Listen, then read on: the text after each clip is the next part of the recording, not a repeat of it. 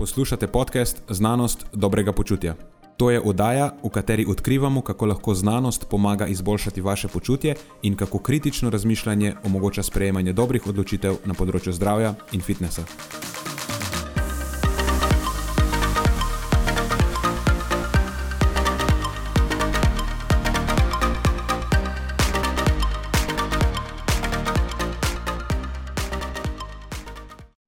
Pozdravljeni, z vami smo Nenad in moj sovoditelj Matjaš. Tokrat je na sporedu Veganuary Special epizoda. V začetku letošnjega leta smo se pri Filgut odločili, da se priključim Veganuary izzivu in se vsaj za en mesec, torej cel januar, igram vegana in preizkusim, kako izgleda pravo vegansko življenje. Hashtag vegan.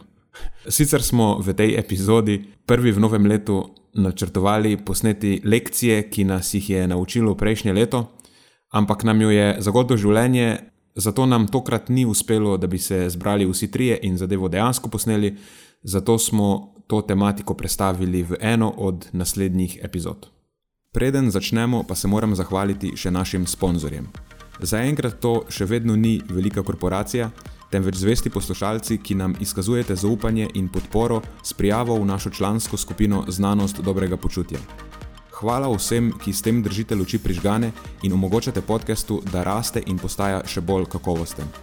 Hvala tudi vsem, ki nas podpirate s pozitivnimi komentarji in visokimi ocenami, ter s tem, da priporočate podcast svojim znancem in prijateljem. Zdaj pa je končno čas za začetek epizode. Uživajte ob poslušanju.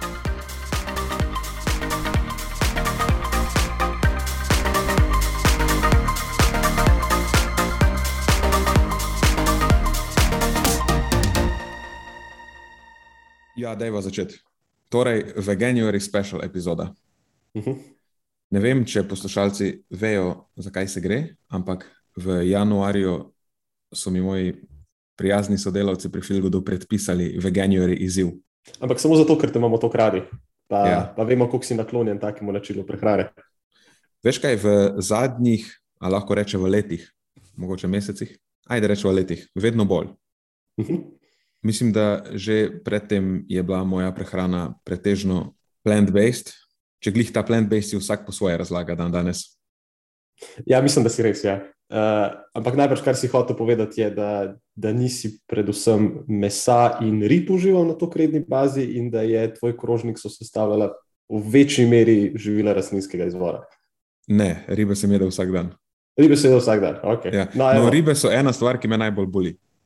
No, veš, to, me pa, to me pa preseneča. To smo se zadnjič pogovarjali, ker sem bil skoraj pripričan, da te bo mlečni izdelki najbolj boleli. Z ozirom na to, da je tam nekih cca 70 odstotkov tvojih beljakovinskih virov so predstavljali ravno ti viri.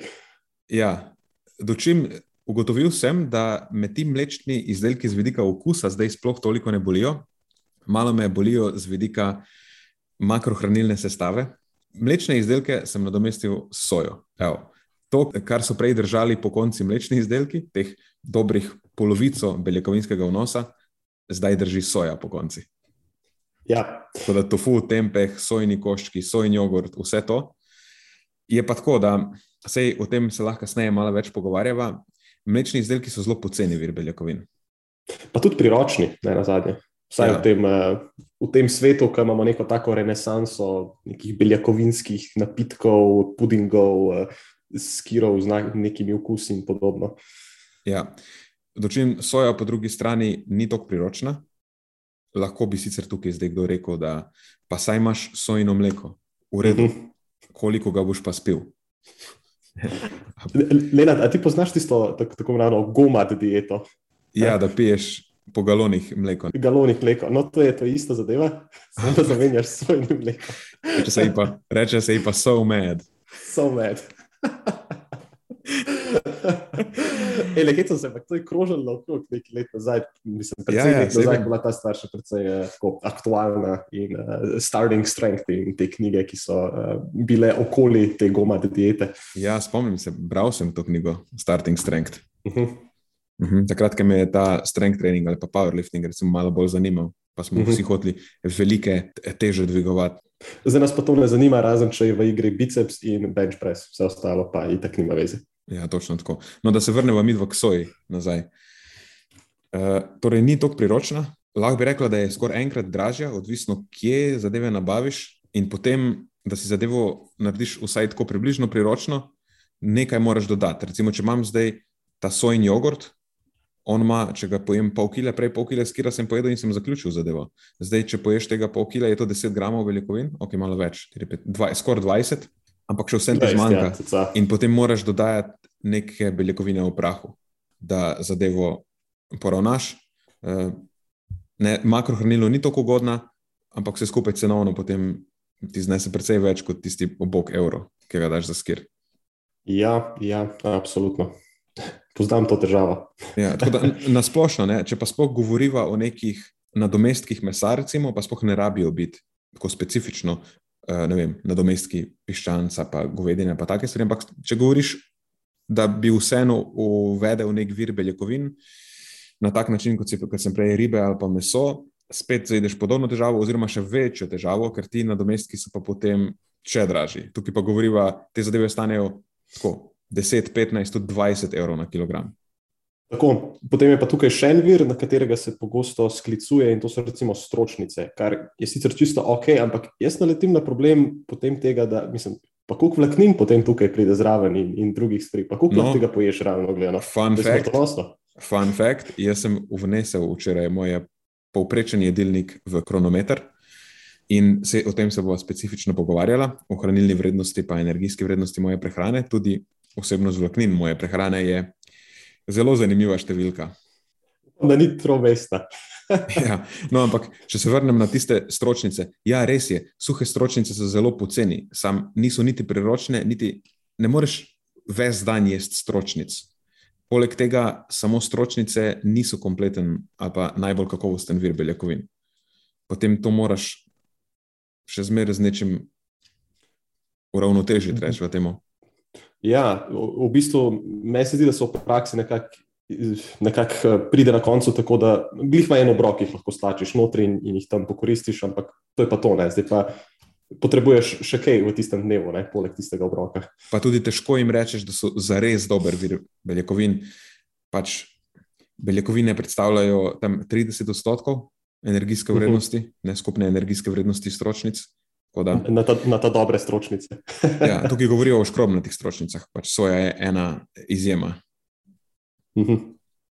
Ok, zdaj smo malo preskočili, ampak veganjo je izziv.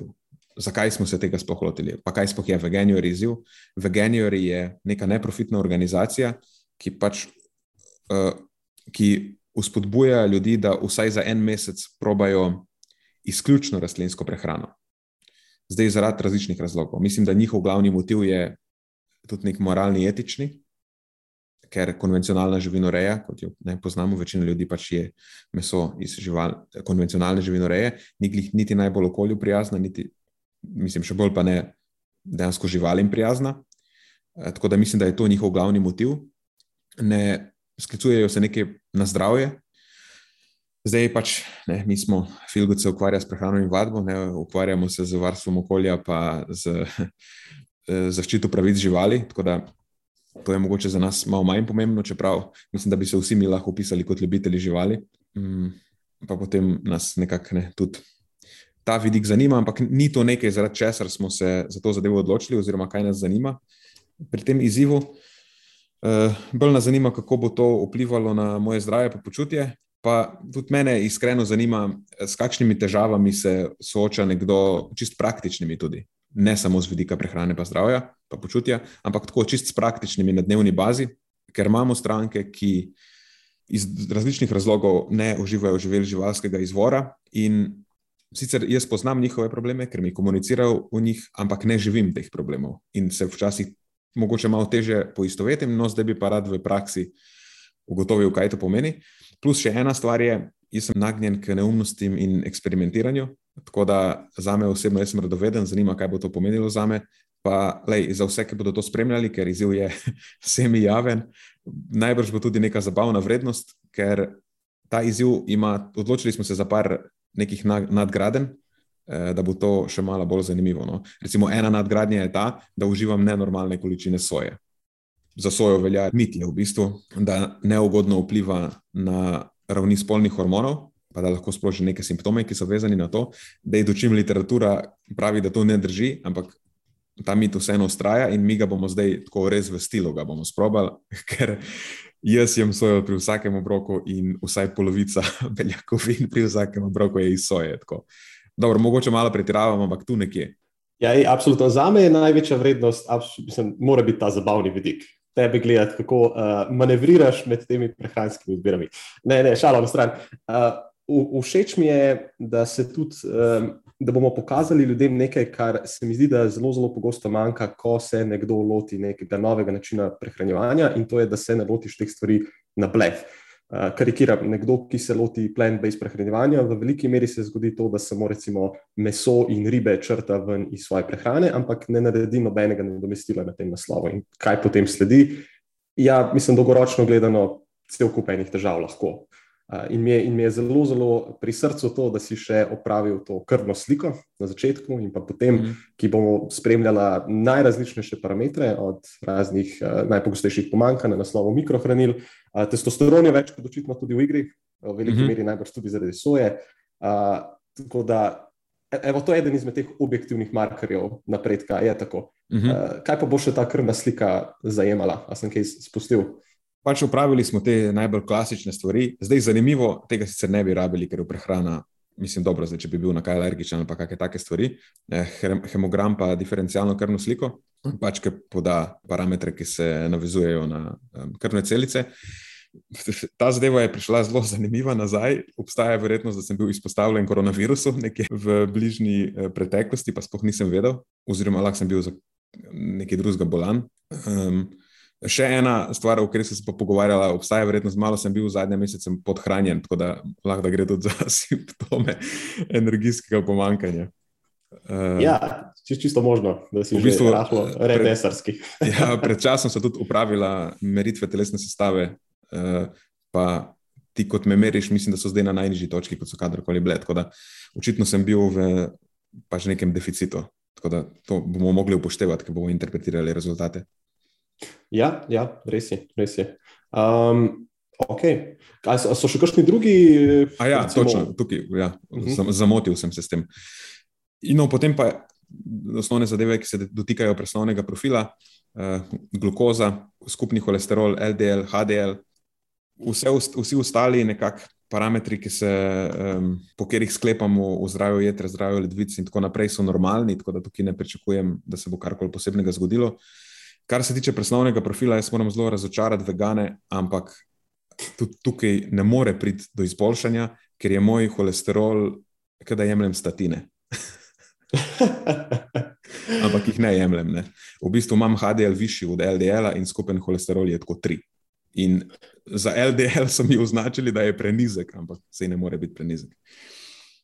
Okay. Uh, tako da od, srčno, od srčno-žilnih bolezni ne pričakujem, da bi umrl. ne, po mojem, po mojem si tukaj na varnem, in the clear, bi rekel. Ja.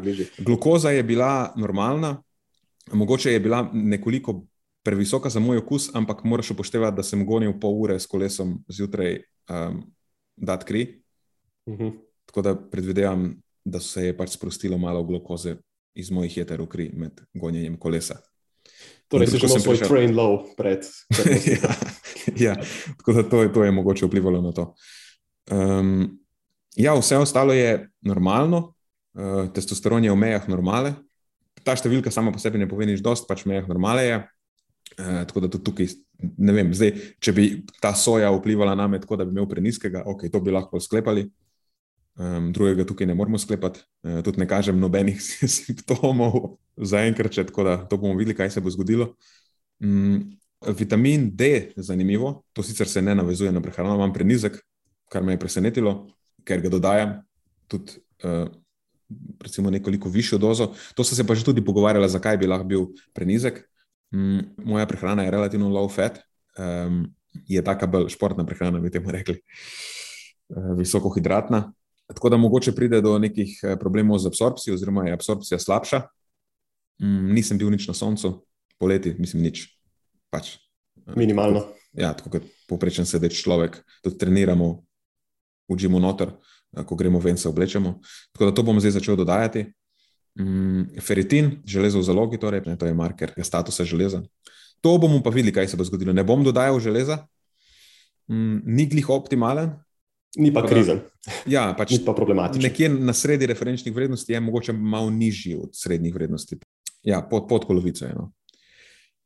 Tako da um, mislim, da nisem pozabil ničesar. Uh, enega si, enega zelo zanimivega, pa B12. Okay. No, tukaj pa zdaj pridemo s tem B12, pa pridemo na drugo nadgradnjo tega našega izziva. Moj B12 je tik na zgornji meji referenčnih vrednosti. Pomeni, da imam tako polno zalogo. In smo se odločili, da ne bom dodajal vitamina B12. Zdaj tega ne probavati doma. To je močno odsvetovano, potencialno nevarno, ampak ker je moja zaloga tako dobra, mislim, da za ta en mesec imamo dovolj manevrskega prostora, da jaz te zadeve ne dodajam. In po enem mesecu, oziroma, lej, mogoče se bomo odločili, da podaljšamo zadevo. Mm, spremljamo in vidimo, kako lahko en mesec popolne odsotnosti vitamina B12 iz moje prehrane vpliva oziroma spremeni moj status eh, vitamina B12. Moram reči, da je to en izmed uh, bolj zanimivih markerjev, se mi zdi, ker, ker me res zanima, me, kaj se lahko v enem mesecu realno zgodi. Nikoli nisem ja. tega zasledil. Ja, tako da, recimo, da železo pa B12 sta zadevi, ki me najbolj zanimata. Pa zanima me, kaj se bo zgodilo s holesterolom. Zaradi tega, ker zdaj moj vnos maščob je višji kot prej, bistveno višji. Mm, zdaj je v skladu s smernicami. Uh mhm. -huh. ni, ni prenizek v narekovajih. Eh, nekih 20-30 odstotkov skupnega energijskega vnosa. Mm, je pa res, da so to pretežno večkrat nenasičene maščobne kisline, ne, iz, pač, ker so maščobe iz naslova rastlinskih virov. In če pogledamo literaturo, vemo, da je višji vnos nenasi, nenasičenih maščobnih kislin, predvsem večkrat nenasičenih maščobnih kislin, povezan z nižjimi ravnmi LDL holesterola. Tudi, ko jih primerjamo recimo, z vnosom ugljikovih hidratov. Da, če sem zdaj delež ugljikovih hidratov na domesto z večkrat nasičenimi maščobnimi kislinami, kaj, kaj se bo zdaj tukaj zgodilo? Ali bom imel še nižjega? Ne? Najbrž ne, ker pač te stvari ne, ne delujejo. Ja, ne, te stvari ne delujejo tako. Tukaj govorimo ne, v literaturi o povezavah na ravni populacije. Da, m, jaz ne verjamem, da bo nižji, mogoče bo malo višji. Vem, bomo videli, kaj se bo zgodilo. No? Res me zanima. Mene tudi. Pa še ena stvar, ki bi, bi me zanimala, in sicer očitno si povišal nos maščob, uh mhm. -huh. nenasičenih maščob. Ja. Me zanima, kaj se bo zgodilo na naslovu testosterona. Ali bi bilo ironično, da se celo poviša v tem času, kljub zelo višjemu vnosu, recimo, svojih izdelkov? Ja, to je bilo hodno, tako da se mi dvigne, veš, na, na zgornjo mejo referenčnih vrednosti. Ali pa celo preseže, pa da imamo več super fiziološke ravni. Točno to, točno to. ja, itak, to je zgodbica, to je pravljica za lahko noč. Ne, ne moreš imeti super fizioloških, če ne dodajaš. to, to bilo bi dobro, bilo bi dobro, da malo reščko dodaš v prehrano, pa kar naenkrat podoben učinek testosteron, ja, eksogeni. Ja. No, nekateri, nekateri bi radi to verjeli. Ja. Tako. um, uh, ok, kje so ostala? Ja, lahko iz tega preklopiva direktno na analizo moje prehrane. Zdaj pač tega ne moremo pokazati, bo objavljena bo na našem Instagram profilu. Sem že poslal našemu PR oddelku uh, to analizo. In lahko se kar, lahko se kar sprehodiva, bom jaz prebral te zadeve. Mhm, Zanimivo je, da kar se tiče vitaminov, je vnos vseh vitaminov preseže referenčne vrednosti, razen vitamina B12. Ne? A, pardon, pa, to so referenčne to je... vrednosti, tukaj govorimo o referenčnih vrednostih za vnos hranil. Ne? To, to je preko kronometra in podobnih eh, stvari. Ja, ja, ja okay. v kronometer sem vnesel in potem ti on vrne. On sicer te referenčne vrednosti za vnos hranil vzame ameriške, ampak so precej podobne evropskim smernicam, pa smernicam NIJZ, mm. tako da se bomo držali tega. Tako da za večino je tu nad 100 odstotkov ne, referenčnih vrednosti za dnevni vnos, za dosten dnevni vnos. Nekateri B vitamini so celo dvakrat ali pa trikrat več, vitamin A je petkrat več, eh, folata je več kot dovolj. Vitamina C je tudi štirikrat več, vitamina K je tudi več kot dovolj. Ne govorimo o K1, ki je prisoten v zeleni listnati zelenjavi, predvsem. No, izstopa pa potem ta B12. Ne, B12 je zanimivo, ni na nuli, ampak to mislim, da je napaka v kronometru. Uh, javi mi, da tempe, to je fermentiran sojni izdelek, vsebuje vitamin B12, ampak kolikor sem pogledal literaturo, uh, načeloma, sicer odvisno potem, kje bakterije so v tej kulturi prisotne, mm, ampak večinoma ni B12 v tempehu. Po nekih res tradicionalnih tajskih metodah, uh, tam očitno nekega pač fermentirajo, uh, tam nativne kulture, očitno lahko sintetizirajo nekaj B12, ampak večinoma v teh komercialnih produktih, pač takih, ki jih jaz kupujem tu v mojem uh, tajskem šopu, načeloma ga ni za pričakovati. No. Tako da moj vnos B12 bo nič ne bo 3 odstotke, tako kot tukaj mi kaže. Kronometer. Vem, da uh, tradicionalne tajske kulture so bile že zelo ozaveščene glede uh, vitamina B12, v primeru plant-based prehrane. ja, ne, to, ja, očitno je. Uh, ne, pa vitamin pa D, predvidevam, da je tudi nekaj, kar izostane. Ne? Ja, vitamin D pa je itak nula, ker ga tukaj pač ni. Uh, če bi vnesel kakšne gobe, mogoče bi se pokazal, uh mhm. -huh. ampak to je pol tudi vitamin D2, uh, ki pa vemo, da pride s svojimi problemi. Tako, tako. Eh, kar se tiče absorpcije, pa konverzije in tako naprej. Eh, no, če greva pol na esencialne elemente, presenetil me je kalci. Na začetku sem imel občutek, da bom kalci mogel dodajati, ampak ga je več kot zadost, več kot gram, gram in pol kalcija.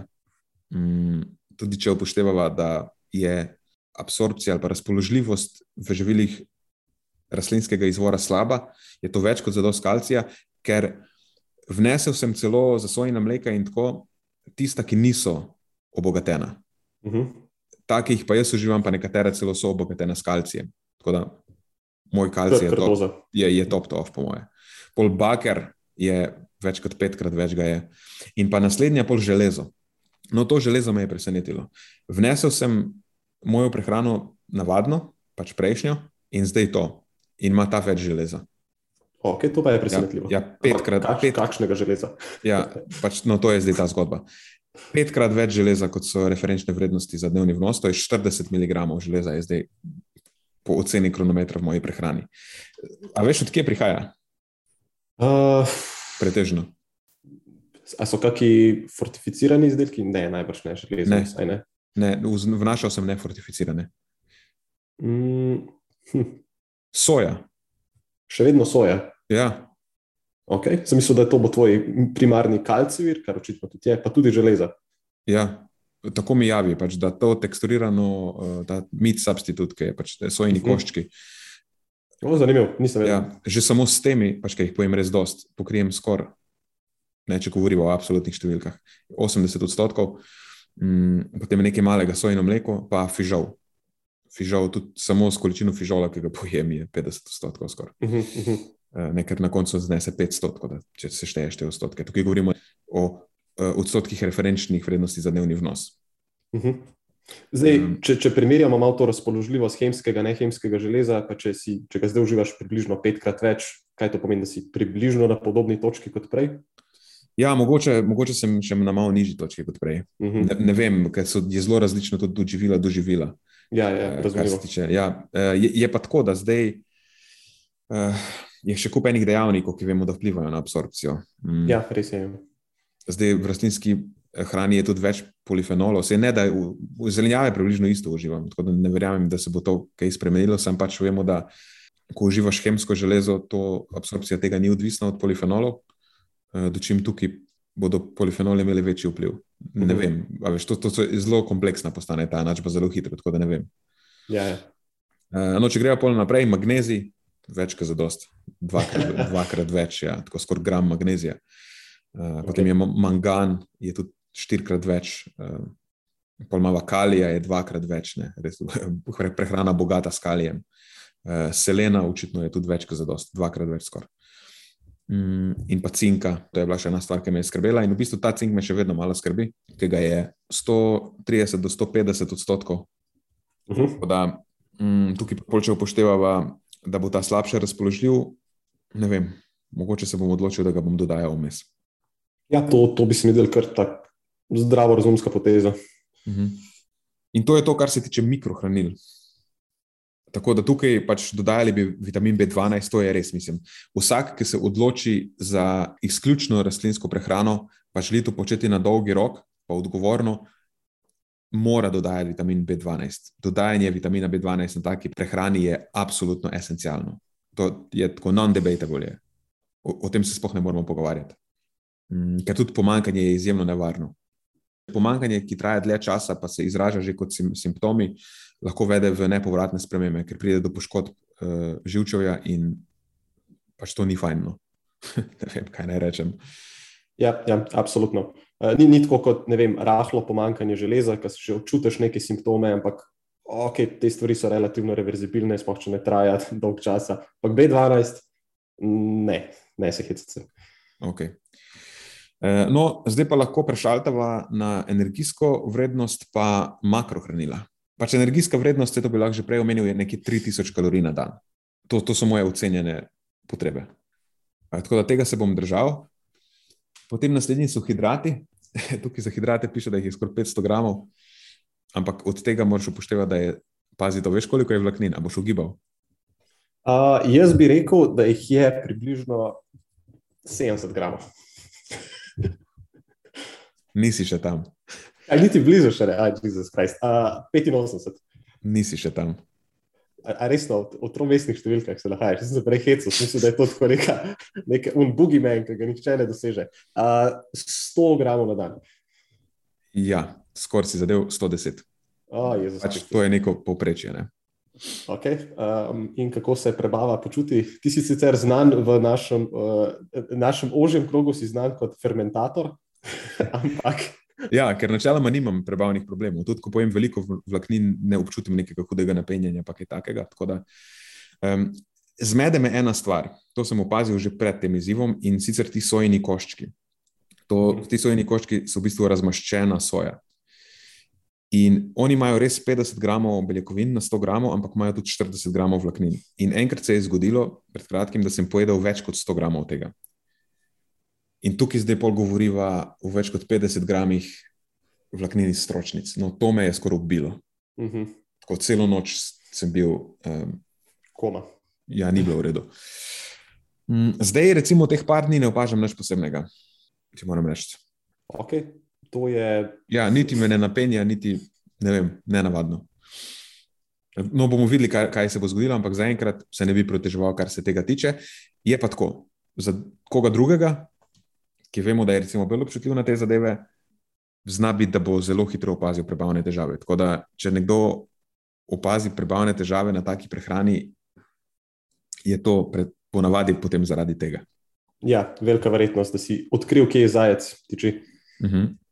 Škaj me zanima, omenil si energijski vnos 3000 kalorij, kar je uh -huh. seveda za, za nekoga tvoje velikosti um, in stopnje telesne aktivnosti povsem normalno. Ampak Eh, znotraj teh 3000 kalorij si v bistvu pokril večji delež potreb po mikrohranilih. Zanima me, kako bi se to zgodilo pri vem, enemu posamezniku, ki je niže rasti, niže telesne mase, pa ima niže energijske potrebe, da bi recimo znotraj praktično polovičnega energijskega vnosa vseeno uspel zadovoljiti te, vse te potrebe. No, to je pa potem zelo dobro vprašanje in moj odgovor je najbrž, da ne. Ali bi pa moral res lahko cepiti, kaj je. Ja. Zdaj, moja prehrana ni glih um, tako, je zelo kakovostna, tako bomo rekli. Ampak znajdejo se v njej slivovic, smoki, bel kruh, bela moka, uh, puding prah, a veš, take stvari, ki so v bistvu, uh -huh. kot unquote, prazne kalorije. Če bi te stvari res nadomestil z nekimi polnovrednimi živili, bi najbrž šlo tudi na nižjih kalorijah. Mm, je pa tako, to je še ena stvar, ki jo res moramo pač izpostaviti. Um, tako kot sem že rekel, moja prehrana je kakovostna in je tako strukturirana, da je precej fleksibilna. Meni ni bilo težko, jaz sem dal nekaj stvari ven in sem jih samo nadomestil z drugimi. Zdaj, nekdo, ki je prejel relativno nekakovostno prehrano, pa se je odločil iti na veganstvo ali pa na izključno rastlinsko prehrano, rečemo temu, pa mora kupenih zadev spremeniti, zna biti, da se bo znašel v težavah, ne, če zadeva ne bo dobro strukturirana.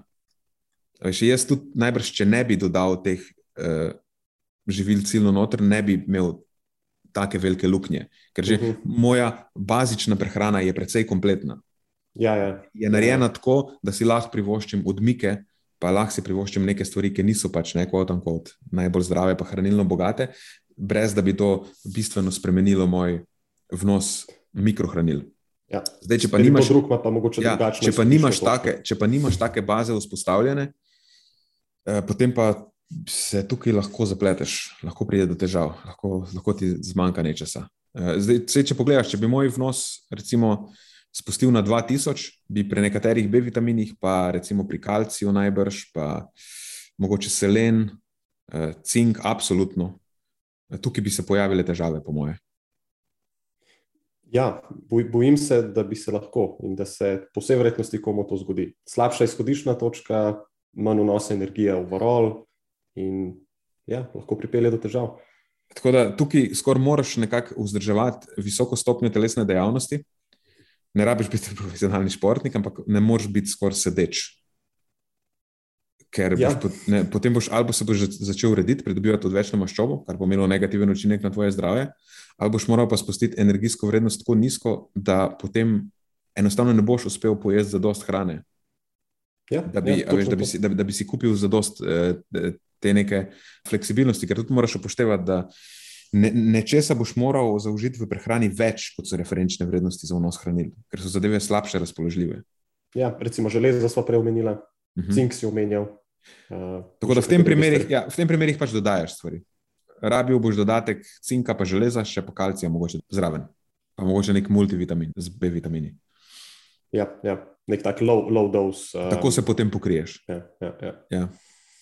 Okay, okay. To je moj zelo uh, zdravorazumski pristop za nekoga, mm. ki to posluša, pa ga to zanima. Okay, Prosti, malo sem te prekinil, sem da je energija. Super vprašanje. Super vprašanje. No, če gremo naprej, maščobe so naslednje.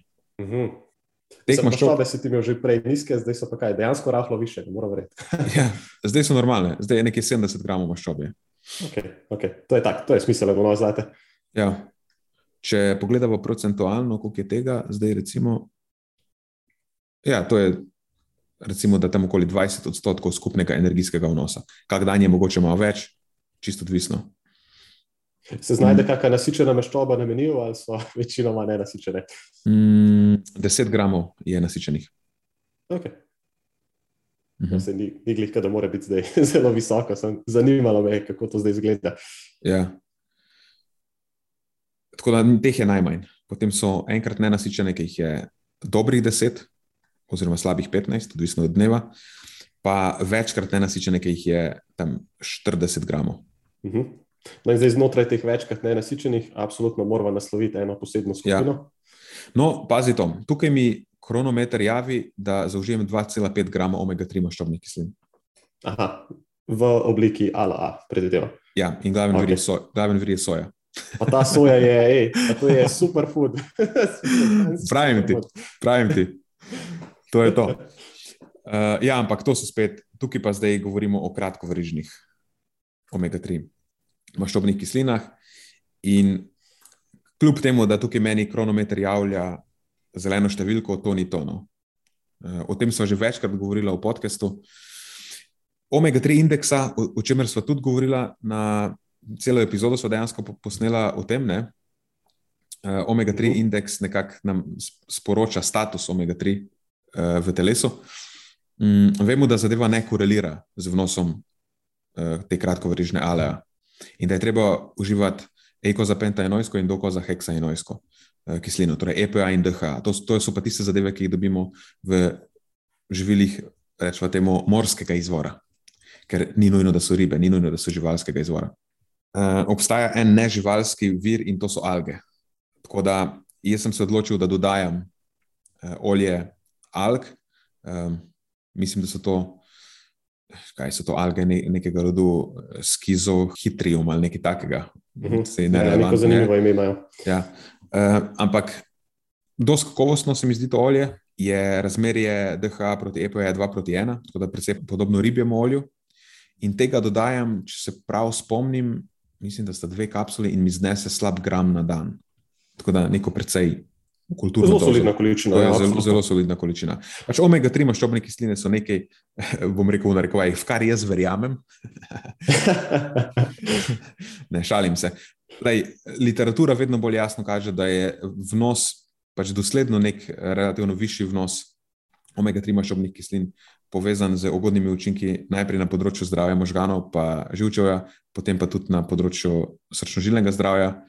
Mm, jaz bi skoraj pa ne mogoče bi dal roko v ogen, da je moj presnovni profil, sploh kar se tiče lipidov, ne, holesterola, pa razmeri HDL, LDL, da je delno rezultat tudi mojega visokega vnosa omega-3 maščobnih kislin, ki so bile predtem, pa spoh nisem dodajal ribjega olja, ampak sem res pojedel dosti rib, mm, bil okoli 2 grama na dan. Uh, to je. Sr, ja, srdelice sem jedel vsak dan. Ja, ja. Okay, to, je, mislim, to je fantastično, no. ne, zelo, zelo zgledno. Ja, A, pač en do dva grama, rečemo temu, da ne pretiravam je bil. Dobro, vsak, vsekakor to je zelo dober razpon. Uh, mogoče lahko sem to omenil, to sem enkrat na leto ali pa celo večkrat. Olje alg se tle uporablja, dopolnilo, da, da ne bi kdo slučajno šel na alge kot alge, ker to. to ne moreš jih to pojesti. Ja.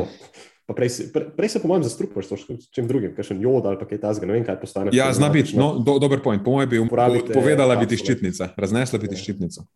Dobesedno.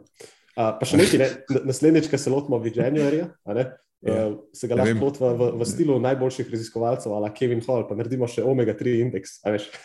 ja, ja, to bi bilo dobro preveriti, kje ga jemljajo. Uh, niso ga imeli na panelu tam v Adriaju, ali pa jaz nisem videl. Vi, jaz še nisem zasledil, da bi imeli kaj tasga. E, mogoče pa lahko dodajo na, na seznam. Ja, možno. Uh, tako da, ja, kljub temu, da kronometer kaže uh, vnos. Teh kratkovrežnih omega-3 maščobnih kislin, kislin, pač sem se odločil, da bom to zadevo dodal, ker je literatura je jasna. Ne? Tudi literaturi kaže, da vnos alea eh, ne, ne poviša eh, EPA in DH v, v cirkulaciji, eh, ne vpliva na omega-3 indeks. Eh, vemo, da, se, da je konverzija slaba.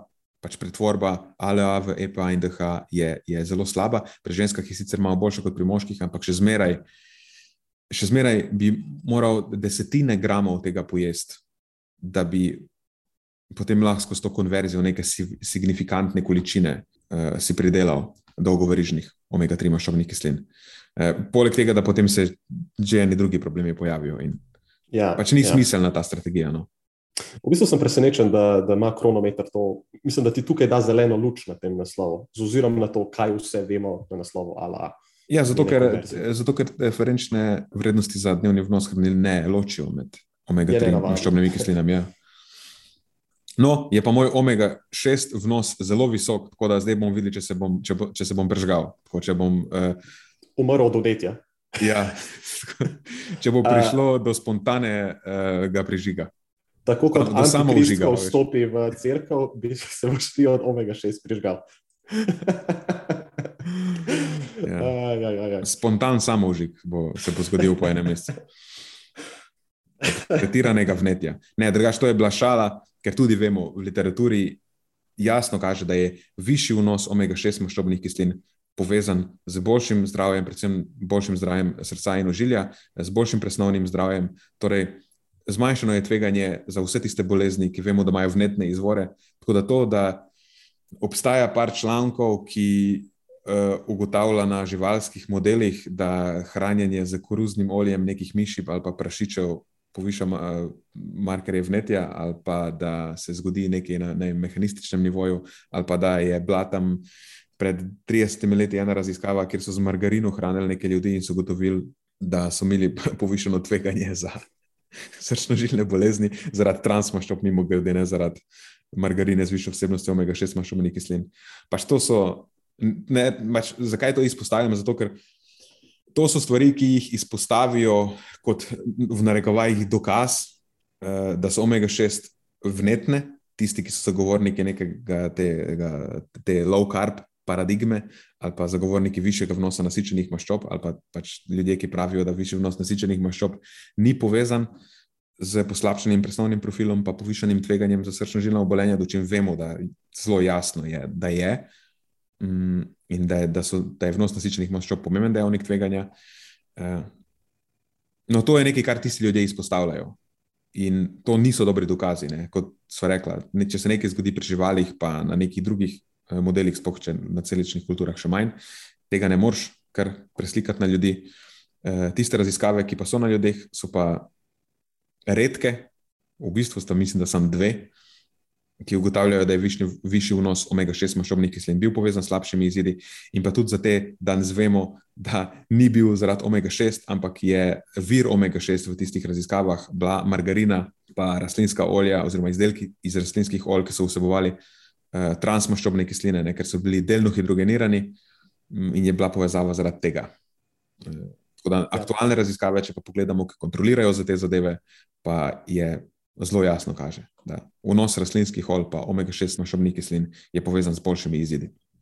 Ja, ja, res je. Tista peščica, tisti dve, ali kako raziskav že je, me malo spominjata na, na, na tiste raziskave, kjer so ugotovili, da naj bi uh, kava vplivala na neke težave na naslovu naših dihal, ko pa ja. so bile cigarete v igri. kava, kava je bila povezana v tistih starih raziskavah z rakom na pljučih. Tudi. Ja, ja. Pa smo zanemarili kajenje. Ja. Ja. No, in kajenje v tem kontekstu so transmaščove. Uh, yep.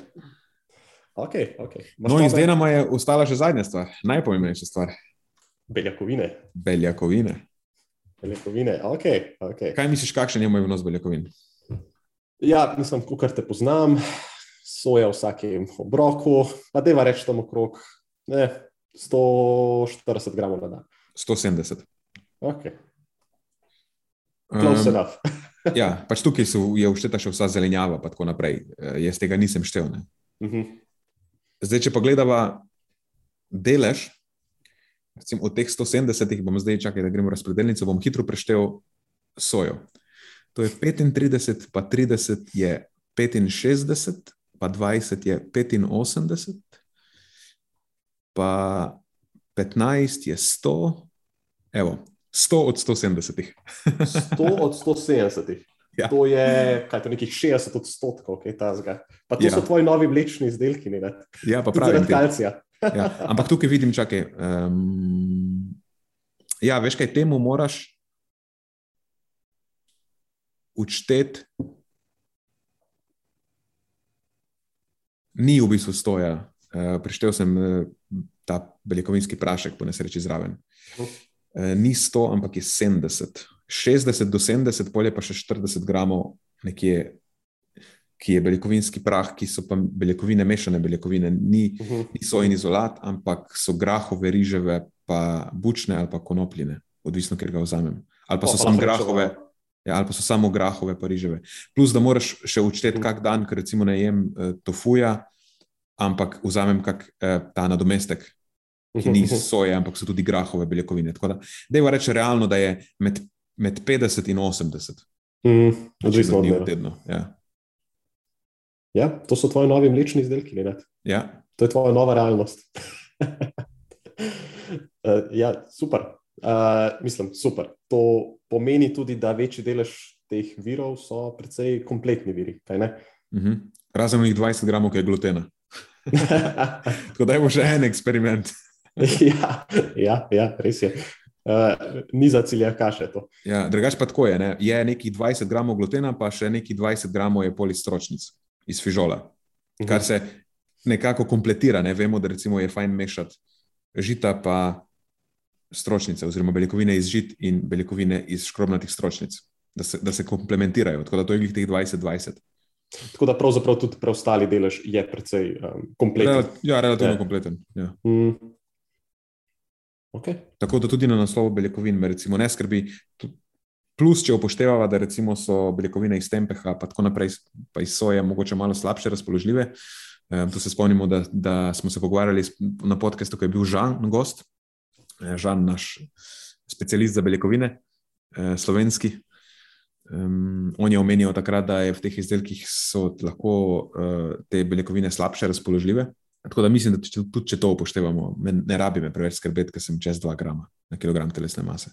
Ne, po mojem, da ne. Sploh pa, mislim, o čem se zdaj tudi pogovarjamo. Ne? Za veliko večino nas, navadnih smrtnikov, to v bistvu niti ni zdaj najbolj pomembna stvar. Dobro, jaz imam resne ambicije ja. v džimu. se pravi, čujem, pozabil sem na biceps in bench press, ki sem ga omenil na začetku tega podcasta. Ja, v bistvu ne, na robe, na robe. Veš, kaj je moja najljubša vaja, ne? Biceps pa hip thrust. Ja, pa, ja u, res je. Ja. Hip thrust je, postala, hip thrust je postal novi bench press. Hip thrust je bench press za spodnji del telesa. ja, res je. Uh, uh, mogoče se to odreči, mogoče pa nekaj, kar bi bilo vredno vzeti v poštev, če se kak športnik igra takih stvari. Uh mhm. -huh. Ja. Okay. In tukaj je tudi, moramo izpostaviti, da jaz se predvsej se zanašam na beljakovine v prahu. Uh mhm. -huh. Tudi ta del sojnih je del. Je, izolat ali pa so sojeni koščki, ki so v bistvu, če bi vzela temu stran še vlaknine, bi bil to sojeni koncentrat nek. Uh -huh. No, in mogoče lahko to izpostavimo, da, da v bistvu ni kar tako brez nekega plana um, zlahka doseči teh beljakovinskih potreb, že tako, tako ne, ker to opažamo ja. v praksi. Če se pa, če se pa greš plant-based pristopa, pa še posebej. Ne. Ker če, da, bi pojedel, če... če bi pojedel 150 gramov, ali pa rečemo, da bi pojedel 100 gramov ne, beljakovin iz soje, nerazmaščene, pol bi bilo to več kot 50 gramov maščob. Uh mhm. -huh. Iz tega, samo iz tega. Ja, tako da uh, zahtevalo bo nekaj planiranja. Ne? Če kdo tako posluša, pa, pa si misli, da ah, okay, se očitno pa to ni tako težko doseči. Ja, ni težko, če imaš znanje, ki ga recimo ne nad in veš, kako se te stvari lotiti. Sicer pa zna biti malo prehranske gimnastike, še posebej na začetku. Mhm. In pa uporabe raznih dopolnil, torej veganskih praškov, beljakovinskih praškov in podobno. Yep. Lahko pa na tem mestu upokojiva tisti mit, da se zadeve ne da peljati po poti, ki je, kako bo rekla, precej prehransko optimizirana. Uh mhm. -huh. Očitno yep. se da. Yep, Mene yep, ne skrbi yep. za nič. Tudi prehrana je precej nasitna. Ja, si predstavljam. Uh, nasitna, predvidevam, da tudi užitna. Uh, ja, okusna je, moram ti reči, jaz sem zadovoljen. Ne pogrešam zaenkrat ničesar. Kar se tiče mlečnih izdelkov, na to sem namignil že prej. Jaz ti po pravici povem, meni je to tofu zelo všeč, uh mhm. -huh. res mi je zelo všeč, tempe mi je zelo všeč. In pa pazi to, sojni jogurt je boljši od kvarka in boljši od skira. Uf, to je zdaj. Uh, hot take se temu reče. Ja. Hot take. Uh, Če smo že pri tem, ali so še kakšni drugi izdelki, ki si jih na novo odkril? Vem, da je en, ki ga že nekaj časa uporabljam, uh, tisti drobljenec, ali še kaj tasga, kar ti je zelo, zelo pri srcu, pa bi lahko izpostavil. Ja, obstajajo nadomestki mesa, ki so mi zelo všeč. Tukaj pri teh nadomestkih je treba biti zelo pozoren, ker jih je precej za nič, niso dobro formulirani, precej je maščob v njih. Tako da, ko zbiramo te nadomestke, probamo vsaj se približati tistemu, kar nam ponudi tofu, pomeni, da je beljakovina enkrat več, če govorimo v, v masi, ne, v gramaži. Recimo, če ima zadeva vem, 20 gramov beljakovin, pol zihar nočem več kot 10 gramov maščob, pa še to je tako, malo mi je preveč. Uh mhm. -huh. mm, tako da zbiram tiste, ki imajo recimo drobljenec, kaj drobljenec ima 10 gramov, pa 35, 10 gramov maščob, pa 35 gramov beljakovin.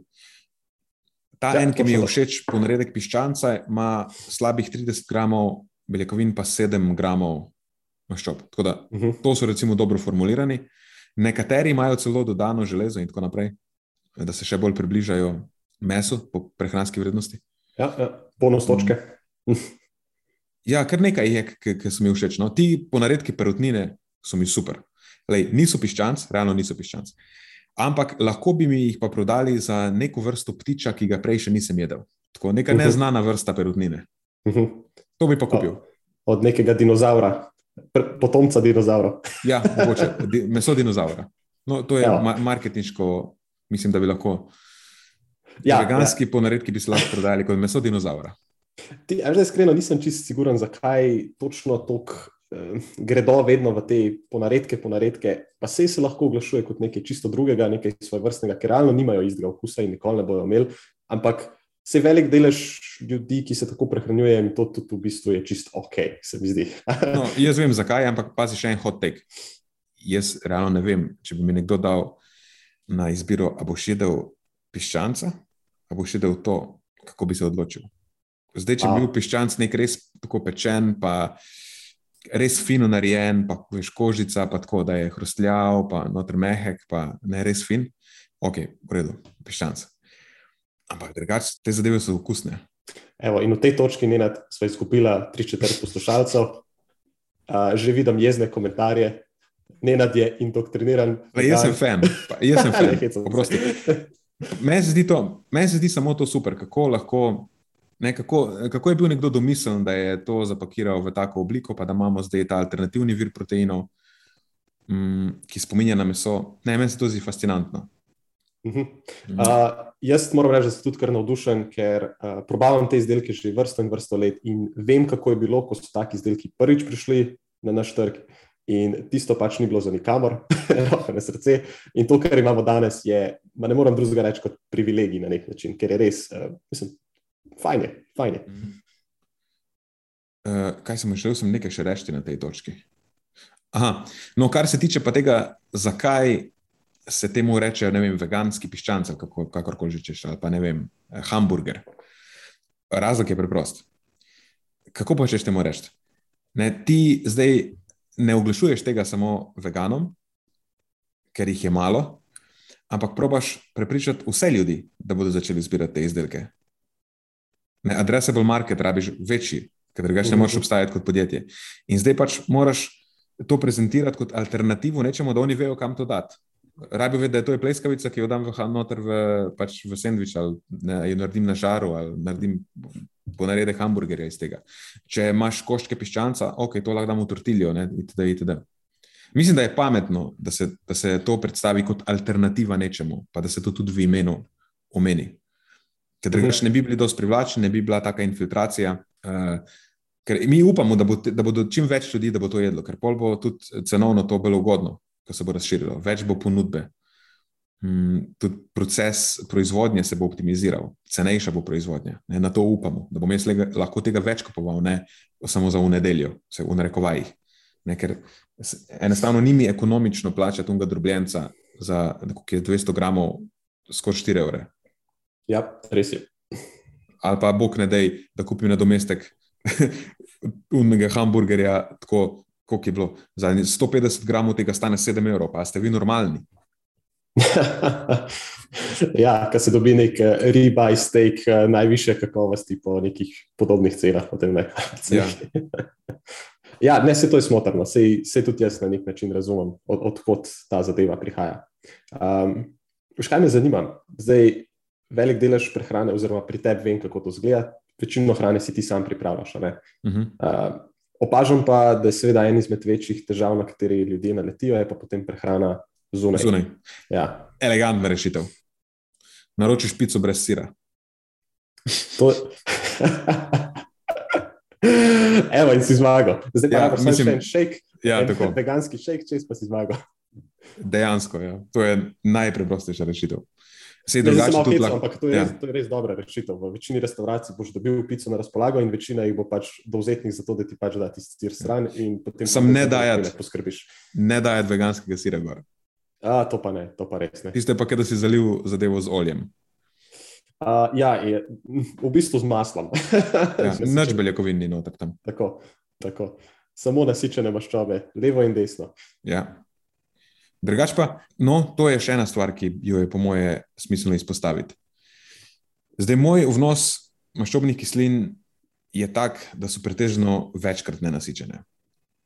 Lahko bi bilo pa zelo drugače, če bi zbiral veliko teh nadomestkov, kot so veganski siri in tako naprej, kjer jim je dodano kokosovo olje ali pa neke nadomestke smetane, ki so ponavadi ne, uh mhm. -huh. isto iz kokosa, ali pa palmino olje in tako naprej. Potem bi bil pa moj vnos nasičenih maščobnih kislin visok in to bi imelo definitivno zelo neugoden učinek na moje lipide, ker to pa sem že enkrat testiral, sam ne v kontekstu veganske prehrane, ampak takrat, ko smo se igrali keto, sem pojedel veliko, veliko kokosovega olja in je bil moj holesterol 13.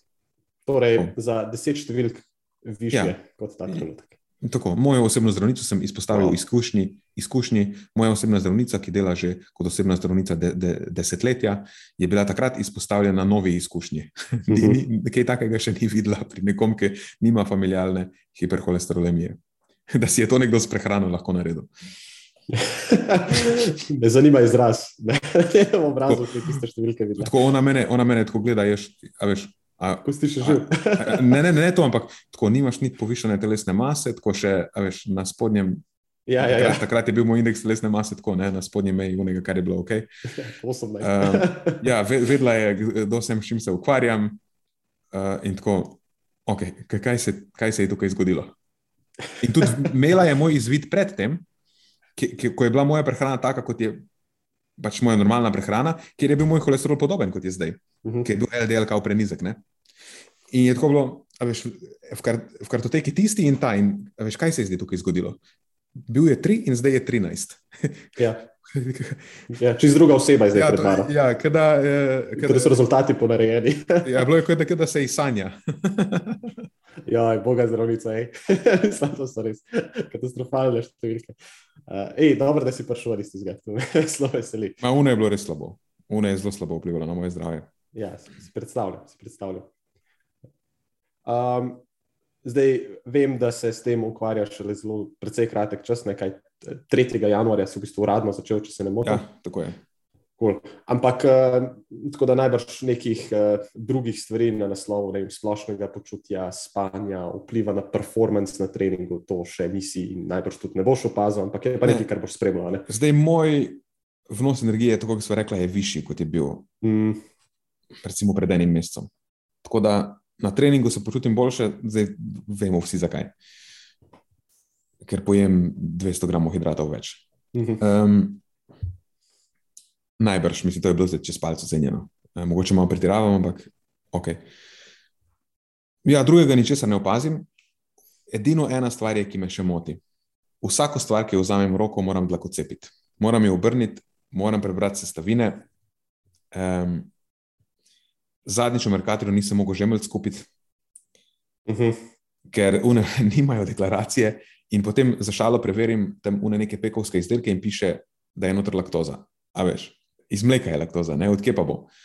Um, in pol nimaš tam na unih drugih deklaracij, vidiš, da so podobne, ne moreš kupiti kruha. Ne? Sej pretiravam, pa sem pač najdel enega, ki ni imel. Sam ful več časa sem porabil, nekoč sem prišel tja, sem rekel, da mi te žemljice in sem šel. Mhm. Zdaj sem pet minut stal tam pa iskal, nekaj so ok. Zadnjič njoke, recimo. Že imamo košarci njoke, vidim mleko. Ok, ne sem nazaj iščem une, ki so krompirjeve njoke brez mleka. In take stvari. Kup, kupujem testenine, zdaj jajčnih ne boš kupil. Pazi to zadnjič. Eh, Svilnati tofu, Mhm. jajce noter. Hecaš se. a? Ja. Ja, Okay. No, ja. In, in ogromno takih stvari je, ne? pa se potem naberejo. Imaš potem celo kupico takih izdelkov, moš potem tam uh, tipitovati okrog svojih, svojega grocery lista. ja. Ne, Še ena je- hujša stvar. Gumi bomboni. Oh, joj, nenad. Bolečino, čutim tvojo bolečino. Ne, sej obstajajo tisti, ki so veganski. Tako da to so rešili. Obstajajo veganski gumi bomboni. Obstajajo, kaj pektin je ponovadi dan, mogoče kaj drugega. Uh, agar, po moje. Agar, Pektin, ne, nekaj takega, ne vem. Se po mojem Mhm. omenijo, videl sem zihar že kdaj pektin, pa tudi zihar sem videl že kdaj agar. Uh, zihar pa niso tako žvečljivi. Sej za ene je to v bistvu plus. Ja. No, to je recimo ena stvar, ker vsa živila nimajo tiste oznake vegansko. Mhm. In moraš gledati uh, deklaracijo, oziroma označbo, da ne bo kdo zameril, označba, oprosti, ne reče se deklaracija. Um, to je inside joke.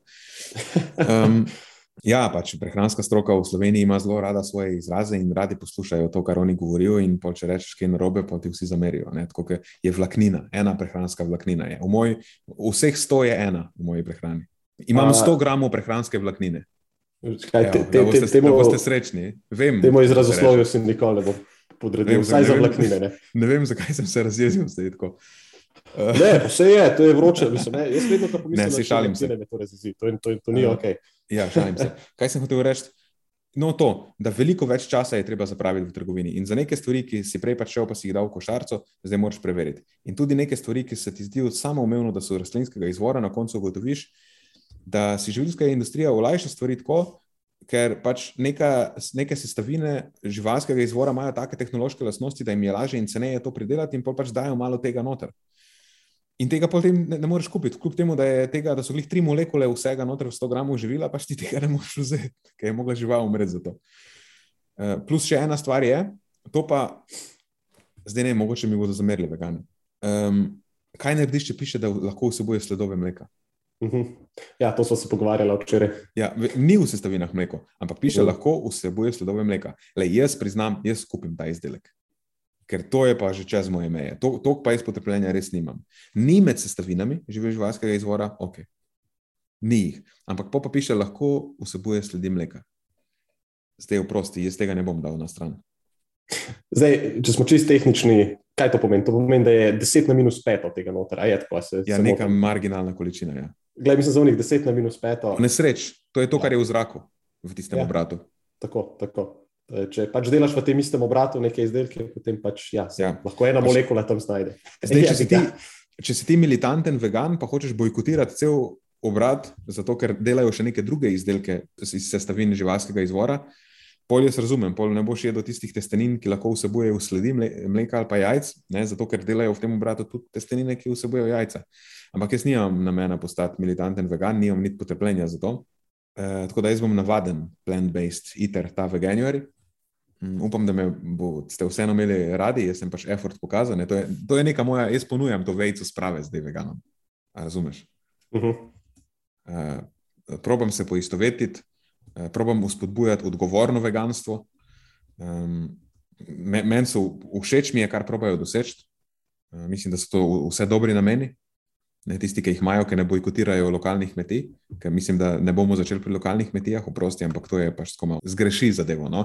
Pol, če hočete bojkotirati, popejte tam bojkotirati. Ne vem, se tudi v Evropi je težko najti nek.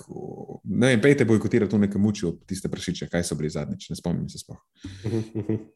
Ne, ne pa tam neko lokalno kmetijo, ki skoraj varva svoje prašiče. Tako, mislim, ja, na koncu jih ubijajo, ampak mislim, da niso oni največji problem. Ja, po mojem tudi ne, oziroma skoraj, skoraj zagotovo ne.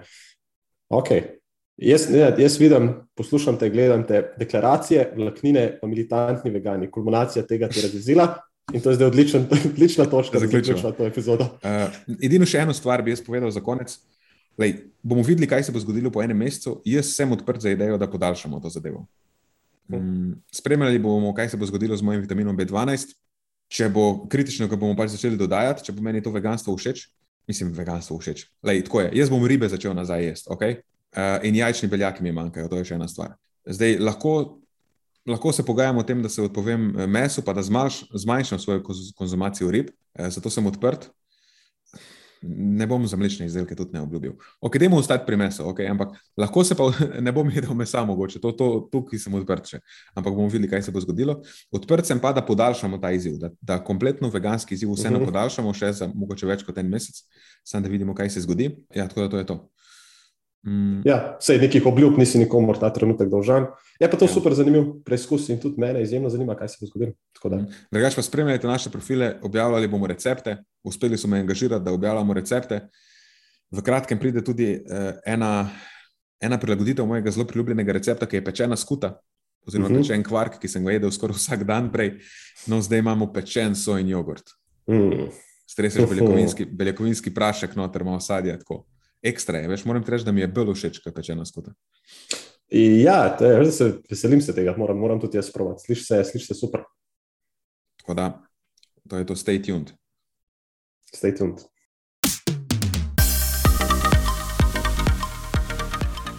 To je za tokrat vse iz naše strani. Hvala, ker ste poslušali do konca. Delite epizodo s svojimi znanci in prijatelji in jo priporočajte dalje, saj s tem omogočite, da sporočilo znanost dobrega počutja doseže čim večjo množico. Hvala vsem, ki nas podpirate s članarino in tudi vsem ostalim, ki delite podcast dalje in nam izkazujete naklonjenost z visokimi ocenami in pozitivnimi komentarji. Se slišimo prihodnjič, do takrat pa ostanite premišljeni.